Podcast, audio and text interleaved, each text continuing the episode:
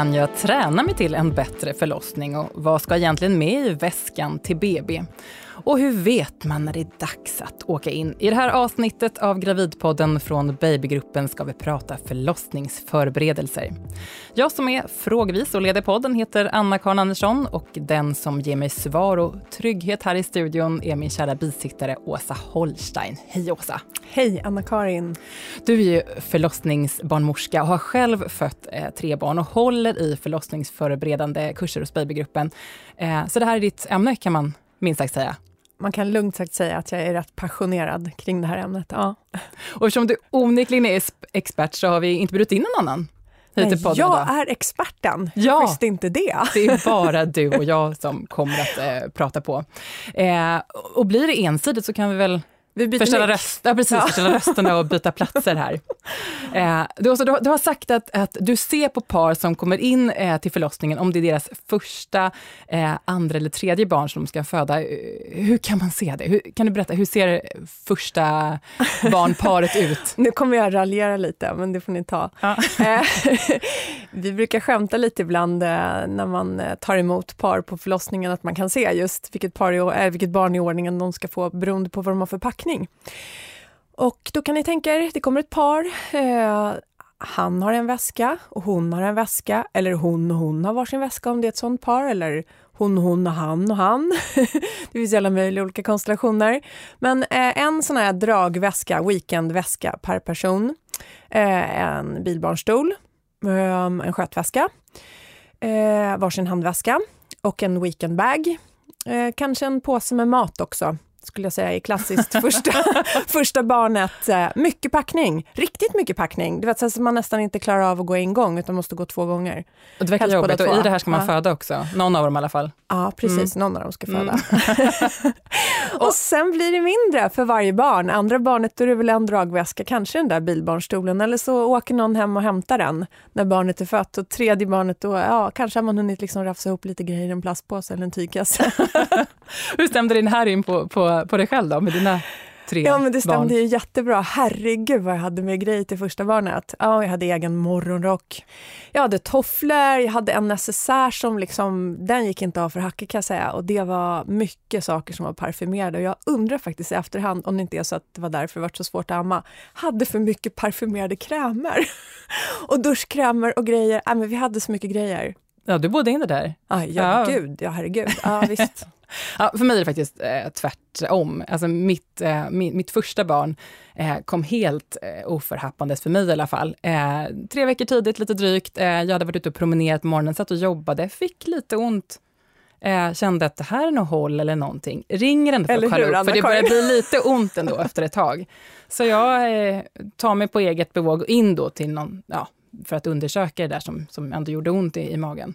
Och då var det dags. Ja. Det bara... Cyklade du in eller vad gjorde du? Ja, jag tog bussen och så gick jag en liten promenad och då var det, ja men du är sju centimeter uppen, det är bara ta några trappor upp till så, så, så föder du. så jag hade ingen packning alls, men min man han då rafsa ihop lite prylar i alla fall. Så att, eh, men det var inga parfymerade krämer, det, det kan vi säga. Min man fick väl med något slags nödtorft i där ser du, där föll mitt raljerande på hur man kan se om det är första, andra eller tredje barnet. eh, ett allmänt tips som du gärna delar med dig av eh, till andra när vi, när vi pratar förberedelser, det är att våga säga nej till historier eh, och andras berättelser om hur det är att föda. Hur, hur, tänker du kring det, Åsa? Ja, men där ömmar jag ju lite för faktiskt. Att man ska vara rädd om sig själv när man är gravid våga säga stopp, både när det gäller, som vi har pratat om i tidigare program, kommentarer man kan få kring sig själv och sin kropp, men också alla de här berättelserna och skrönorna som folk så ivrigt vill berätta för när man är gravid. Eh, och det är väldigt sällan de där positiva, starka berättelserna om kvinnor som har verkligen tagit sig an sitt födande och känt den här urkraften och vågat lita på sig själva. Det är sällan de historierna man får höra, utan istället får man ju höra eh, hemska historier Långdragna förlossningar, eh, stora bristningar, eh, svåra sugklockor, allt vad det kan vara. Mm. Hur kan det påverka då, tror du, om man hör för mycket såna här historier? Nej, men jag tror att det kan påverka negativt och är man lite rädd innan så blir man väl antagligen mer rädd kan jag tänka mig. Och så också att man skyddar sig för alla de här webbsajterna som finns. Det finns ju en hel del bra och finns också otroligt mycket skit. Um, om man googlar mycket. Så att måna lite om er själva. Och är det så att du inte, vill, du inte mår bra av de här skräckhistorierna, sätt upp stopphanden och säg att Hörru, vet du, eh, den där historien får du faktiskt spara till någon annan någon annan gång för att jag eh, behöver inte höra den just nu. Mm. För rätt mycket när vi pratar förberedelse inför förlossningen, det sitter i, i huvudet. Ja, men det är ju jättemycket. Kroppen vet ju precis vad den ska göra. Den vet exakt hur den ska föda barn. Men de flesta av oss är ju mer, jag brukar tänka på att vi är som huvudfotingar. Vi lever i vårt huvud och inte så mycket i vår kropp. Så att ehm, det gäller att få med sig sitt huvud, sitt mentala jag in i födandet. Och det finns ju de som hävdar att så mycket som 90% av födandet sitter i huvudet. Kanske lite högt tror jag, men ju mer man kan få sitt mentala jag och våga lita på kroppen och på att kroppen ska greja det här, eh, desto bättre upplevelse får man. För föda barn, det kommer man göra oavsett. Men det är ju kul om man kan ha en fin upplevelse kring sitt födande också, tycker jag. Mm. Vi ska gå in på hur man mentalt kan förbereda sig inför förlossningen och gå igenom användbara andnings och avslappningsövningar. Så ska vi prata om partnerns roll och hur partnern kan förbereda sig eh, senare i det här avsnittet av Gravidpodden. Eh, det är alla olika delar som ingår i, eh, i profylax. Eh, men jag tänkte att vi skulle börja lite grann med de praktiska förberedelserna. Ehm, hur, hur, hur, kan jag ta reda på, eller ska jag ta reda på var jag ska föda och, och finns det någon poäng med att veta hur det ser ut i, i själva förlossningsrummet? Det är väl klart att det kan finnas en fördel med att veta var man ska föda. Nu ser det ganska olika ut beroende på var man bor i Sverige. Eh, en del eh, i Sverige har långt till sitt sjukhus och andra har lite närmare. Och i en storstadsregion som Stockholm eh, kan det till exempel vara så att det är hård press på klinikerna och att ett av de sjukhusen där man vill föda, där finns det inte plats just då. Men då finns det ju väldigt många andra sjukhus om man är en storstadsregion. Jag tror inte att man ska vara så fixerad vid själva platsen där man ska föda faktiskt.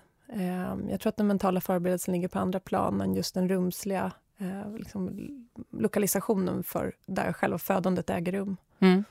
Men om man känner ett lugn i att veta ungefär hur det ser ut, så, så finns det på Babygruppens app ett eh, virtuellt finns rum. En, ja, det finns en jättebra del i, i um, Babygruppens gravidkalender, den här appen man kan ladda ner gratis, där man kan titta på hur ett förlossningsrum ser ut. Det finns en hel film där som heter Föräldrautbildning eller FUB online. Mm. Och där kan man, det är som en rundvisning en, en, en ja, i ett förlossningsrum. Mm. Då får man se hur, hur, det ser ut och hur man kommer vilken ja, säng precis. man kommer ligga i. Och jag, menar, jag har inte varit på alla förlossningskliniker Nej. i hela Sverige, så men, men rummen är väl ganska generellt uppbyggda efter samma princip. Det finns en, en säng och så finns det den medicinska apparatur som behövs. Eh, och det är ju ett sjukhusrum i och med att de flesta väljer att föda på sjukhus. Mm. Men du, hur ska jag ta mig dit då? Eh, är det taxi som gäller, eller egen bil eller, eller som jag, eh, promenad och buss? Promenad, buss, cykel är väl bra om man vill det, långfärdsskidor. det finns ju inget rätt eller fel. Eh, jag kan väl tycka att eh, är det så att man är lite osäker kan det väl vara bra att ha provkört en gång. Du menar allvar? Man hittar. Ja, jag menar allvar faktiskt. Mm. Om det nu är en sån sak man oroar sig för, ju mer man kan förbereda sig, särskilt om man är orolig, desto bättre är det. Och köra lite extra snabbt då kanske? Ja, det kan man kanske om göra. Det men, men det får man ju inte. Liksom, så. det finns ju risk för böter. Men annars tycker jag, har man råd, ta en taxi. Mm. Det är ju hur bekvämt som helst, så slipper man ju fundera på var man ska parkera också. Om du är skitont då, finns det skäl att ringa ambulans? Nej, man ska inte, det är normalt att föda barn. Man ska bara ringa ambulans om, om man blöder eller om det har tillstött någon allvarlig komplikation. Men det gör ju ont att föda barn. Men eh, det är under verkarna, mellan verkarna är det ju lugnt. Det får taxichaufförerna ta. Ja, det får mm. de ta. Men, men du, du var inne på att man får inte köra för fort, man får hålla hastighetsgränsen. Eh, men, men, men, finns det något litet undantag? Räknas förlossningar så akut att det kan lite grann strunta i hur jag parkerar bilen och så? Eller finns det inga? Nej, du får en böter. Jag vet inte, det är säkert olika från olika sjukhus. Eh, kanske att man, om man får någon lapp från, eh, från förlossningen, att man kan få den där boten annullerad. Jag är inte säker. Däremot har jag hört faktiskt att om det är riktigt bråttom, om man ringer polisen så kan man få poliseskort för att kunna köra lite snabbare. Aha. Men eh, det är en hörsägen. Okej, okay. får kolla det innan ni ringer polisen också och ber dem stoppa trafiken. Eh, du var inne lite grann på packningen eh, och raljerade lite grann över de här eh, första, andra, tredje barnet-paren. Eh, men, men seriöst nu, vi ska planera packningen och väskan. Vad, ska, vad, ska, vad ska jag ha med i väskan? Och vad finns på sjukhuset? Allting finns på sjukhuset. Allting som kvinnan behöver i form av kläder, trosor, bindor, hygienartiklar finns. Eh, allting till barnet finns. Det finns kläder, det finns blöjor, det finns oljor, det finns salvor, vad man nu kan behöva. Tops till navelvård. Eh, så att egentligen behöver man inte ha med sig någonting. Men man ska ju hem också därifrån. Man kan väl inte sno grejer från, från sjukhuset? Nej, det är väl inte så lämpligt att göra det. Så det är bra att ha med sig. Men just för att komma in och föda så behöver man ju faktiskt inte ha med sig någonting. Det är så jag menar. Sen kan, får man ju skicka hem någon som kan hämta saker eller om någon kan komma till en på sjukhuset med privata kläder både till, till mamman och barnet. Just det. Så något litet plagg bara att åka hem med lilla knytet? Ja, det beror ju på vad det är för årstid. Men när det är kallt så behöver man väl kanske ha lite ordentliga kläder till barnet. De blir ju snabbt avkylda. Ja, och sen litet ombyte själv och då skippar man de här tajtaste gravidjeansen som man hade är, innan. Smaljeansen är väl schysst om man lämnar hemma. Är det gravidkläderna som fortfarande ska vara på när man åker hem? eller? Alltså det beror på, men jag tycker nog ändå att de flesta kvinnor inte riktigt kommer i sina vanliga kläder direkt. Även om man kanske inte har gått upp så mycket under graviditeten. Så, så jag menar, det tar ett tag innan den här gravidmagen sjunker in. Mm. Och inte alltid barnen kommer i kläderna heller. Nej. Jag har en granne som, som packade med i sina gulliga 70-talskläder som hon hade haft när hon var liten. Men hon vägde väl tre kilo när hon föddes och så kom det ut en fyra och en halv kilos klump som inte alls kunde ha de där gulliga, blommiga 70-talskläderna. Så det gäller ibland även eh, bebisarna som kommer ut. Ja, så kan det vara. Ja. Då har vi kommit fram till programpunkten Sant eller falskt, där jag eh, kastar ut lite påståenden som relaterar då till ämnet i podden. Och du Åsa, du eh, bekräftar eller dementerar om det stämmer eller inte. Och nu handlar det om förlossningsförberedelser. Jag säger som vanligt, är du beredd? Ja, jag är beredd. Du är beredd, härligt. Då kör vi. Om jag läser på all litteratur som finns om förlossning kommer jag få det rätt lätt när jag föder. Sant eller falskt? Mm, det beror ju väldigt mycket på vem det är som person, men generellt skulle jag säga att det är falskt. Den största delen av förlossningsförberedelsen handlar om att gå in i sig själv och inventera vad jag har för resurser av att klara av en sån här situation. Sen kan det ju såklart vara bra att veta alla medicinska saker som händer i kroppen, alla hormoner och uh, olika faser och sådär. Men rent generellt är inte det det bästa sättet att förbereda sig för en förlossning. Nu är det nära så vattnet kan ju gå när som helst. Jag är ju bäst i att alltid ha med mig en handduk ifall att. Men det är väl jättebra. Lite större handväska bara. Mm. Jag har låg smärttröskel, skriker högt när jag slår foten i tröskeln så jag kommer svimma av förlossningssmärta. Sant eller falskt? Det är falskt. Du har ingen aning om hur du kommer reagera när du föder. Det är en annan slags smärta. Det är en funktionell smärta. Eh, den har ett syfte. Du ska få ett barn. Jag ska föda om en vecka så jag måste hoppa släktkalaset så jag inte blir förkyld. Falskt. Lev på som vanligt. Mm. Och fortsätt med det när du har fått barn. Mycket släktkalas. det är Åsas eh, devis. Eh, jag måste bära förlossningsväskan var jag än går. Man vet ju inte när det blir dags att åka in. Det är falskt. Eller jag menar falskt eller sant eller falskt. Du hinner. Eh, de flesta kvinnor hinner hämta väskan om man är någonstans. Det brukar vara några verkar innan barnet kommer. Mm. Eh, förlossningen kan ju dra ut på tiden, så det är bäst att ha med sig rejält med frystorkad mat till partnern. nu blir jag så fnittrig. eh, nej, men det är falskt. Alltså, det kan ju dra ut på tiden med frystorkad mat. Jag vet inte. Ja, ta, med, ta med frystorkad mat och tältet. det finns oftast en kiosk och så brukar man kunna få mackor på förlossningen. Men det är klart att partnern behöver oftast ta med sig lite egen mat också. Men just frystorkad mat kan man kanske hoppa. och slutligen då, det är okej att ta med svärmor in på förlossningen, sant eller falskt? Sant. Och det är inte bara svärmor, utan det kan vara en kompis eller vem? Nej, man kan ju med fördel ha med sig en till person utöver partnern. Ehm, absolut. Alla är välkomna. Nästan.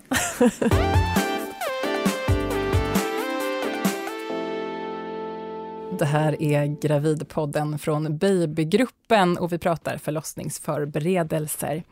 Eh, I, eh, I Babygruppens app Gravidkalender som du var inne på tidigare också, så finns det en, en checklista med alla förberedelser inför eh, förlossningen. Eh, berätta, hur, hur, funkar, hur funkar den? Ja, men där finns det lite så hållpunkter för vad man kan tänka på i sin förlossningsförberedelse. Ehm, det handlar lite om försäkring, barnvagn, val av bilbarnstol. Ehm, det finns en länk där till hur man kan skriva ett förlossningsbrev. Ehm, vad man ska tänka på kring barnet, vad man behöver och också en liten checklista för vad man kan tänka sig att man behöver ha med sig i den här förlossningsväskan till förlossningen. Och då kan man följa steg ja, man kan för liksom- steg ja, och se man, hur förberedd man är. Och sen får man en procentsats. Du är nu jag har laddat ner den där fast jag inte är gravid, vilket är roligt för jag får såna små pushnotiser. Du är nu i vecka 14 plus 3. men jag har ju bara liksom laddat ner appen så att jag är bara 8 förberedd. ja, men vilken tur att du inte är gravid på riktigt. Då. Det, det är väldigt tur, då hade jag börjat bli stressad. Mm. Men nu återkommer vi in på ditt gebit, så, att, så, så, nu är du till 100 förberedd, det är jag säker på. För nu ska vi prata om, eh, om profylax. Eh, du leder ju sådana kurser eh, inom babygruppen. Eh, jag tänkte börja i änden, bara, vad betyder profylax? Eh, profylax betyder eh, förebyggande. Mm. Och det är just det profylaxen syftar till. Det är ett förebyggande arbete eller en förberedelse man gör inför sitt födande. Mm. På vilket sätt gynnas man av att ha förberett sig då inför sin förlossning? Ja, men man gynnas ju på alla sätt. Eh, jag tror att det finns ju alla sorters kvinnor. Och kvinnor har ju fött barn genom alla tider och det föds ju barn, kvinnor föder ju barn varenda sekund över hela världen. Eh, och kroppen kan det här som jag sa tidigare. Mm, jag tror att många av oss eh, inte är så himla bra på att våga lita på kroppen och lyssna på kroppen och bara hänga med i förloppet. En del är det och då är det såklart kanske enklare att föda för man bara accepterar att nu är det det här som är och nu hänger jag på. Men eh, är man inte en sån, då har man stor fördel av att förbereda sig. Eh, och den förberedelsen är ju framförallt den här mentala biten. Hur reagerar jag i situationer där jag känner mig pressad, stressad, har ont, blir trött? Eh, vad kan jag göra för att hjälpa mig själv? Vad kan jag behöva för stöd från andra runt omkring mig för att klara av det här? Men det handlar ju också om att förbereda sig genom att träna andning och avslappning och jobba mycket med sitt, sitt mentala jag positiva tankar. Eh, ladda sitt sinne med att man faktiskt tror att man är riktigt bra på föda. Mm. Men jag tänker att det är svårt att eh, förutse eh, situationen, speciellt om man är första gångs eh, föderska. Eh, det kan bli långdraget eller det kan gå snabbt eh, och det kan behövas smärtlindringar och så vidare. Hur kan jag förbereda mig på något som jag inte i förväg vet vad som ska hända just mig? Ja, men det är ju en jättebra fråga. Hur kan man förbereda sig på det? Ja, men du kan ju inte förbereda dig på... Du kan inte, eller du, du kan inte styra förloppet, men du kan ju faktiskt styra hur du förhåller dig till det. Förstår du vad jag menar då? Mm. Och Det kan du göra genom att jobba mycket med det som brukar kallas för mindfulness. Gilla läget, vara här och nu, vara i stunden. Och ju mer du accepterar att ja, just nu är det så här, just nu är det så här jobbigt, just nu gör det så här ont, desto lättare blir det. För det är så när vi föder att negativa tankar föder negativa känslor som ger oss fysiska reaktioner i kroppen. Så ju mer negativt vi tänker, desto räddare och spändare blir vi. Och nivån utav för förlossningen dåliga hormoner, adrenalin som är ett stresshormon, de går upp. Adrenalinet i sig gör att livmodern jobbar mindre bra. Det här oxytocinet som gör att livmodern ska dra ihop sig blir mindre verksamt om adrenalinnivåerna är höga. Så genom att istället ha positiva tankar, då leder de till positiva känslor och leder till fysiska reaktioner, att vi blir mer avspända och lugna. Och på så sätt så jobbar det här oxytocinet mycket mer effektivt. Och det är det man kan träna genom att gå eh, en ja, profylaxkurs till exempel? Man, det kan man faktiskt träna. Ja. Mm. Eh, om, om jag har ett planerat snitt, då, kejsarsnitt, eh, finns det någon anledning då att, att förbereda sig? Jag tycker det finns lika stor anledning att förbereda sig då. De flesta sjukhusen har en, en, eh, en mottagning eh, man kan gå till. Ofta finns det en informationsfilm man kan titta på. Skaffa sig så mycket kunskap som möjligt om vad som sker under själva kejsarsnittet. Hur blir det direkt när barnet har kommit ut? Kommer pappan eh, eller medmamman eller vem det nu är som är med Får vara kvar eller är det så att den nyförlösta kvinnan kommer på en avdelning och barnet och partnern på en annan. Allt sånt där. Ju mer man vet, desto lugnare blir man. Också ta reda på mycket. Vad händer sen? Hur länge stannar jag på sjukhuset? Hur ont brukar man ha? Hur länge äter man smärtstillande? Hur tungt kan man bära? Hur lång tid tar det innan kroppen har läkt? Eh, så absolut förbereda sig för det också. Mm. De här kurserna då som du håller, eh, övergripande, vad innehåller de som du håller i? Jag kan säga styrkan med just våra profylaxkurser, det tycker jag är att eh, det, vi, vi alla som håller dem är barnmorskor. Du pratar om babygruppens kursutbud? Ja, nu pratar jag om babygruppens mm. kursutbud. Det finns ju ganska många olika profylaxkurser. Eh, styrkan med våra kurser just det att eh, det hålls, de hålls av barnmorskor. Eh, och det är två tillfällen, tre timmar. Eh, vi pratar om mental förberedelse, hur man kan jobba med sitt mentala jag och förbereda sig inför förlossningen. Mycket andning, väldigt enkla andningsövningar, eh, men otroligt effektiva, så man har bra redskap när man väl ska föda. Mycket avslappning och sen en stor del handlar om partners roll, hur man kan jobba ihop sig som team. Mm. Acceptans, kommunikation.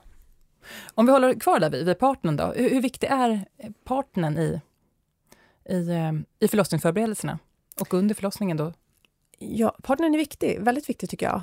Eh, och det är min erfarenhet också som barnmorska på en förlossningsavdelning att är man ett starkt team så har ju den födande kvinnan bra hjälp av partnern, väldigt bra hjälp. Eh, och jag kan säga personligen att jag är inte säker på att mina förlossningsupplevelser hade varit så positiva om inte jag hade haft eh, en stark partner med mig när jag födde. Mm. Så det är en stor trygghet för kvinnan. Partnern är ju den som känner den födande kvinnan allra bäst som person, också hur hon har resonerat kring sitt födande. Mm.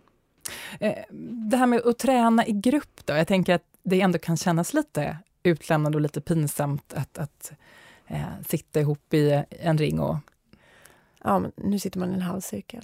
Ja, ja det förändrar ju saken. Ja, men det, är lite, det, är, det är lite schysst tycker jag. Ja, men det är lite 70-tal, det är lite ligga på yogamattor, andas lite ihop. Eh, men kan det inte finnas någon som har problem med det? Jo, men det är klart att ja. det finns, att det kan kännas jätteknöligt i början. Fast jag tycker att även den som tycker att det känns som knöligast fattar vikten av det efter ett tag. Och sen kan jag tycka så här, det är skitbra träning inför föräldraskapet, för sen kommer babysimmet, sen kommer dagis och inskolningen och sen kommer föräldramötena och liksom det är bara, så här är det ju är du rädd för profylaxkursen, då ska du bara veta vad som kommer vad som väntar.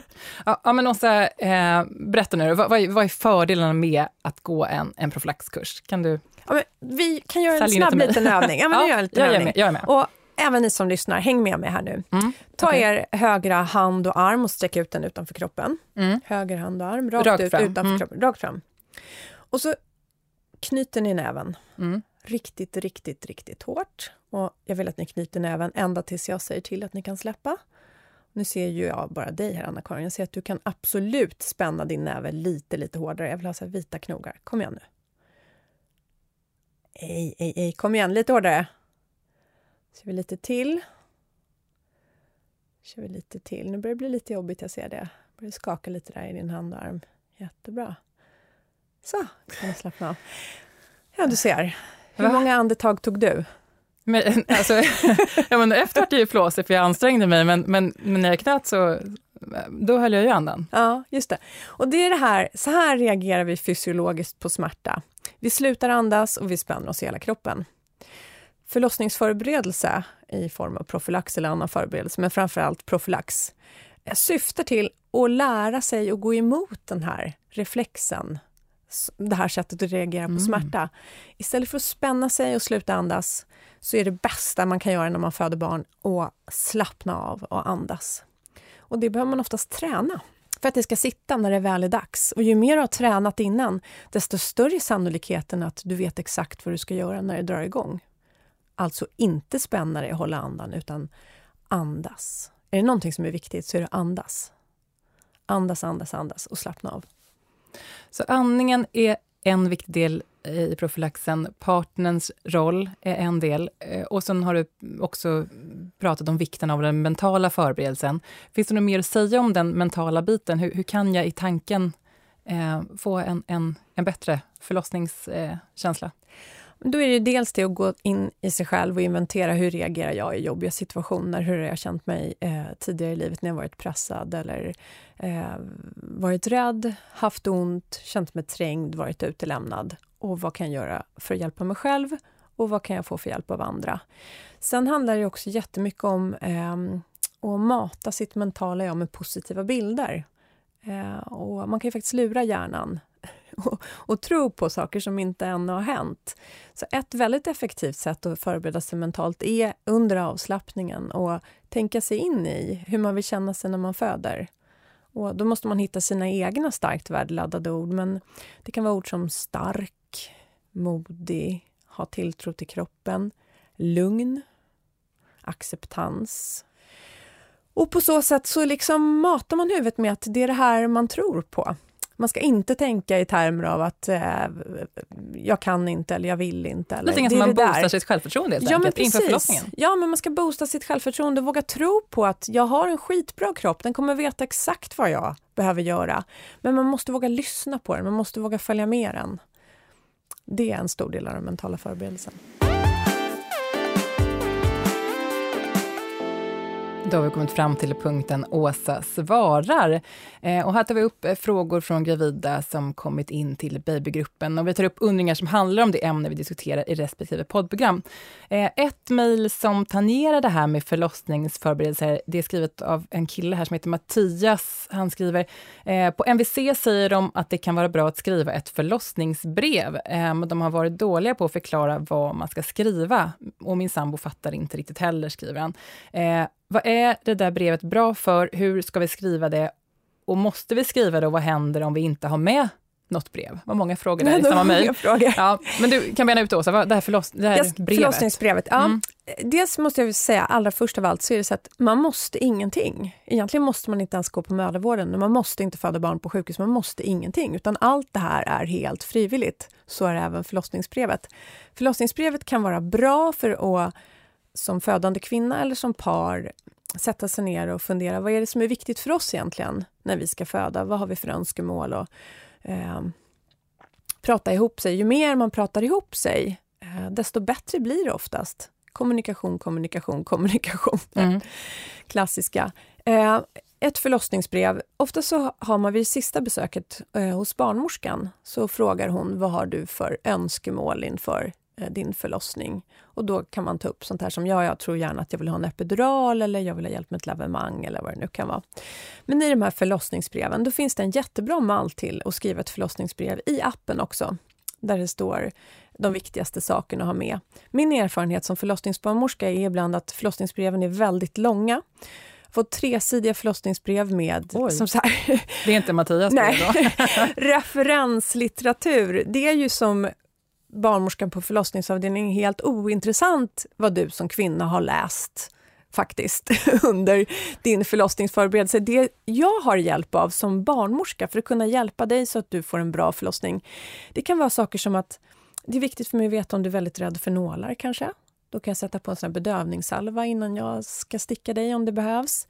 Eh, jättebra att veta om du är väldigt, väldigt rädd för att bajsa på dig i slutet av förlossningen, för då kan jag hjälpa dig kanske så att du får ett lavemang tidigt när du kommer in. Um, en del kvinnor har väldigt svårt med att visa sig nakna och tycker att det känns jobbigt och känner att eh, det här kan vara en sån sak som gör att inte jag kan slappna av. Såna saker är viktiga för mig att veta som barnmorska. Saker som gör att jag kan ge dig en bättre vård. Ett, hjälpa dig så att du får ett tryggt och bra födande väldigt ofta så är breven, jag vill inte spricka, jag vill inte eh, ha sugklocka, jag vill inte ditten, jag vill inte datten. Det är helt ointressant faktiskt. För det vill ju ingen annan heller. Det vill inte barnmorskan, det vill inte förlossningsläkaren. Alla vill att allting ska gå så bra och vara så normalt som möjligt. Så vill du skriva ett brev, eh, kolla i appen. Där finns det jättebra hjälpmedel för hur man kan skriva det. Och skriv sånt där som är speciellt just för dig. Mm. Så svar till, till Mattias här då, som inte riktigt vet vad han ska skriva, eh, eller de, han och hans eh, ja, partner. Eh, det är ju huvud, man, alltså om man inte har några specifika krav, då, då, då kan han, en fråga här är om man måste skriva vad som händer om man inte skriver något. Nej, du, be du, behöver absolut inte skriva det, men om du känner att det kan hjälpa dig eh, och att du blir lugn av det, kanske för dig själv att sammanställa dina tankar kring ditt födande, om det är någon speciell smärtlindring du vill ha eller om du vill föda i någon speciell ställning, att du har sett dig själv eh, liksom haft en bild av att du ska föda knästående eller på förlossningspallen eller någonting. Eh, då kan det vara bra att skriva, men man måste absolut inte skriva ett brev. Mm, har vi pratat eh, profylax och eh, brev och annat. Eh, jag tänkte, finns det andra typer av, eh, av förberedelser ut, utöver profylaxen och Ja, det finns det absolut. absolut. Eh, alla mödravårdscentraler har i sitt uppdrag att ha en föräldrakurs för blivande föräldrar där man går igenom förlossningen. Och då är det mer eh, rent medicinskt, eh, fysiologiskt. Vad händer i kroppen? Vad kan du få för smärtlindring? Hur fungerar det på sjukhuset? Handlar inte riktigt lika mycket om den här mentala förberedelsen utan mer vad som faktiskt händer i kroppen under förloppet och på sjukhuset. Eh, ja, sen kan man ju läsa. Det mm. finns en hel del böcker. Jag brukar rekommendera de här böckerna som barnmorskan Gudrun Abascal har skrivit. Hon har skrivit några olika. kan okay. ni kolla upp. Mm. Väldigt bra böcker om födande. Eh, prata med vänner om de har bra historier. Ja, just det. Där måste man gallra. Gallra inte... lite. Ja. Eller ja, är det så att du vill veta allting och känner att du mår bra av det, så, så ta till dig allting. Men, men var försiktig, var rädd om dig själv om du känner att du mår dåligt av de negativa historierna. Mm. Eh, yoga är ju superbra förlossningsförberedelse. Mm. Där, det finns ju något, ja. något som kallas just gravidyoga. Ja, det? det? finns det. Mm. Gravidyoga, som är anpassad just för den gravida kroppen. Också med förlossningen liksom, i själva tänket. Det handlar mycket om att få en ökad kroppskännedom. Och man jobbar mycket med andningen och avslappningen.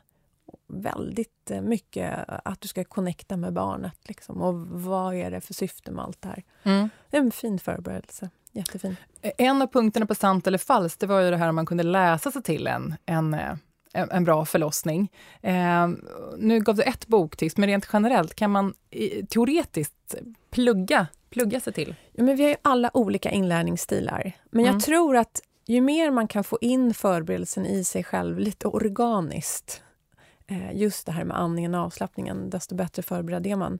Men det är klart att man kan läsa.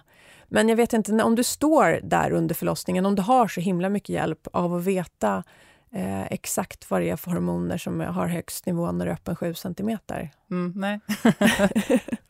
det är mer primitivt än så, ja. födandet. Det är ju, födandet är ju... Eh, det är inte särskilt intellektuellt. Det är väldigt primitivt. Våga vara i kroppen, här och nu, följa med, vara tung i kroppen, andas och slappna av. Och så tänkte jag att vi skulle avsluta med eh, det här avsnittet om förlossningsförberedelse med, med en fråga som jag vet att ja, många och kanske framförallt ovana eh, förstföderskor, inklusive jag själv. Då. Hur vet man när det är dags att åka in? En bra fråga. Ja. Hur vet man det? Ja, men det kan ju vara lite svårt faktiskt. Ja.